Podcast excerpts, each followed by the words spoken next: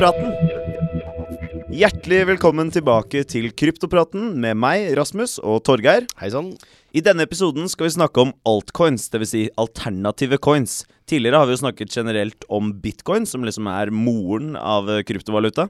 Eh, men det finnes jo over 1500 andre typer coins. Og hver av disse her coinsene her har forskjellig teknologi, de har forskjellige bruksområder og er utviklet til forskjellige formål. Mm. Eh, vi skal ikke gå sånn veldig dypt eh, til verks i noen av dem, men bare for å gi et lite eksempel kan vi snakke veldig kort om Litecoin, Ja. som da egentlig sprang ut eh, Det var en eh, såkalt fork, eller en gren ut av bitcoin.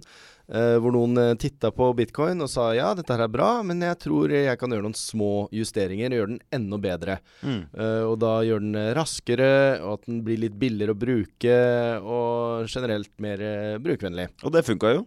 Det har gått veldig bra. Mm. Og det er det mange andre som har sett òg. Da har de tenkt hm, hvis de kan gjøre det, så kan jeg gjøre det. Det popper opp uh, coins uh, som uh, godteri overalt. Ja, jeg har liksom merka i starten av januar så var vi liksom på 1350. Etter det så har det kommet sånn 200 nye eller et eller annet sånt. Det er helt sjukt hvor mange som kommer hver dag. Vi kan sikkert si at det er fem stykker som kommer hver dag. Sikkert. Ja. Men vi, eh, som sagt, vi skal ikke ha et dypdykk eh, inne i hver av coinsa. Men eh, vi kan jo nevne det at det fins veldig mange som er veldig lovende, og veldig mange som er litt sånn shady. Du har jo noen type coins som er helt sånne åpne registre, sånn som uh, bitcoin. Men så har du noen sånn, sånne privacy eh, privacy coins som rett og slett har som formål å være helt privat. Og det er det jo øh, Hva skal jeg si, de får kanskje en litt bad rap fordi det blir brukt litt ulovlige ting, men på den annen side også så kan de jo ha veldig gode intensjoner i det at hvorfor i all verden skal staten få vite hvor mye penger du bruker på Ja. tyggegummi og dopapir? Ja. Det, det er din business. Så Hvor mye penger bruker du på tyggegummi og dopapir? Nei, det vil jeg helst ikke snakke om. Så altså, nei, det finnes veldig mange, og, det, det er veldig mye rare formål òg. Du har egne coins til sånn uh, altså gambling, og til å ta vare på identifikasjonspapirer, og Mm. til uh, Ja, jeg, så, jeg så faktisk nettopp en liten sånn reklamefilm for noe som het Sweatcoin.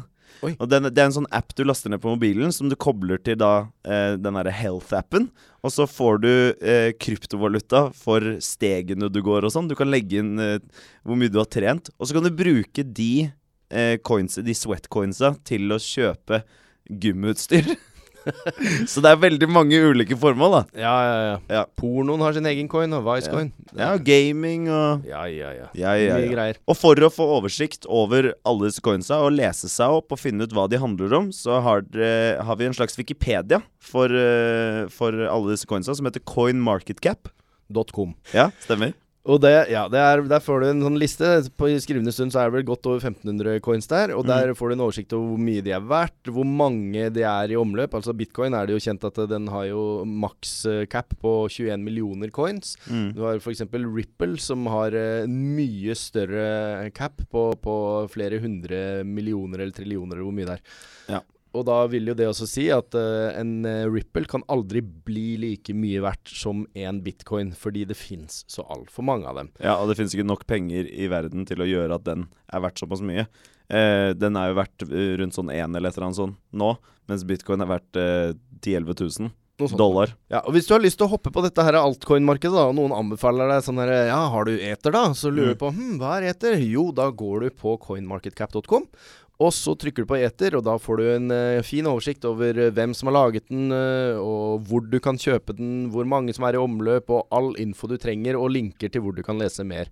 Så denne her CoinMarketCap, den, uh, den Den er flittig brukt i kryptovalutamiljøet. Ja. Det er ingen tvil om. Jeg er innom der eh, sikkert opptil 15 ganger om dagen, jeg, bare for å Bare for å sjekke status, liksom. ja, altså Hvis du skal hoppe på, så er det bare å sette den til, til å være homepage med en gang. Altså. ja. Du kommer til å besøke den uansett. Ikke sant. og når du da finner en coin du har lyst til å kjøpe, så må du jo finne ut hvor den selges. Fordi Mm. det er ikke sånn at alle coins selges overalt. Det er forskjellige exchanger har forskjellige coins. Og Da går du på CoinMarketCap og trykker på den coinen du vil ha, så trykker du på Markets, og da får du en liste over Å ja, den selges der, der, der, der, der, der. Da må du finne et sted som du har lyst til å kjøpe den, opprette en profil der, og så må du overføre bitcoin f.eks. fra en annen konto over til den nye kontoen, og så kan du kjøpe. Det er veldig Det høres veldig tungvint når du sier det, og det er jo også litt tungvint. Men det er det som er så genialt. Ja. Fordi det at det er tungvint, det betyr at det ennå er store penger å tjene. Ja. Det er en høy terskel som gjør at veldig mange folk tenker Å, oh, nei, det orker jeg ikke å sette meg inn i. Mm. Det er bra. Er det det? For oss som gidder å gjøre det, så Ja. er det veldig bra. Ja. Fordi snart, eh, og det er veldig mange ting som er på vei, som, som vil gjøre det enklere. Eh, En eh, coin for eksempel som heter Ethos, som, som hele formålet er å bringe det til allmennheten og, og senke terskelen. Og, og der fins masse Fly, fjerne alle de barrierene, liksom. Ja. Mm. det finnes masse andre sånne folk som jobber med, med lignende prosjekter. Og, og det er ingen tvil om at de kommende årene så vil eh, det blir mye enklere å både handle og kjøpe eh, og selge og, og komme seg på, rett og slett. Vi kommer til å le av tidene vi er i nå. Ja. Mm. Det er litt sånn der, Husker du hvordan det var å koble seg på internett på 90-tallet? det er sånn modem og ja, vi, vi ler jo litt av Vi ler jo av eternetten, eh, gjerne. Ja, Gjør vi ikke det?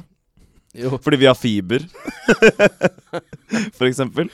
Ja, nei, men det er litt sånn altså At det er eh, Teknologien er veldig tidlig, og det er fint Mm. for oss som eh, faktisk eh, Som holder på med dette her, Ja. på en måte. Og som tør å, å satse litt. Mm. Jeg har jo brukt en, et sånt market som heter Binance. Da har jeg sendt pe penger fra Coinbase, som jeg har snakket om i tidligere episoder, eh, over til Binance for å så kunne drive med handling av ulike kryptovalutaer. Ok, så du bruker Binance. Ja. Binance er jo en som er ganske stor og anerkjent. Men eh, hvordan var det du eh, først møte med den? Var den eh, lett og oversiktlig å ha med å gjøre?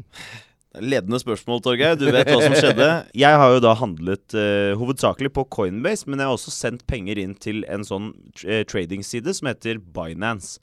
Og på Binance så er alt litt mer komplisert. Der er det jo veldig mye sånne grafer, masse tall, og du kan gjøre veldig mye mer. Du kan handle i masse forskjellig kryptovaluta.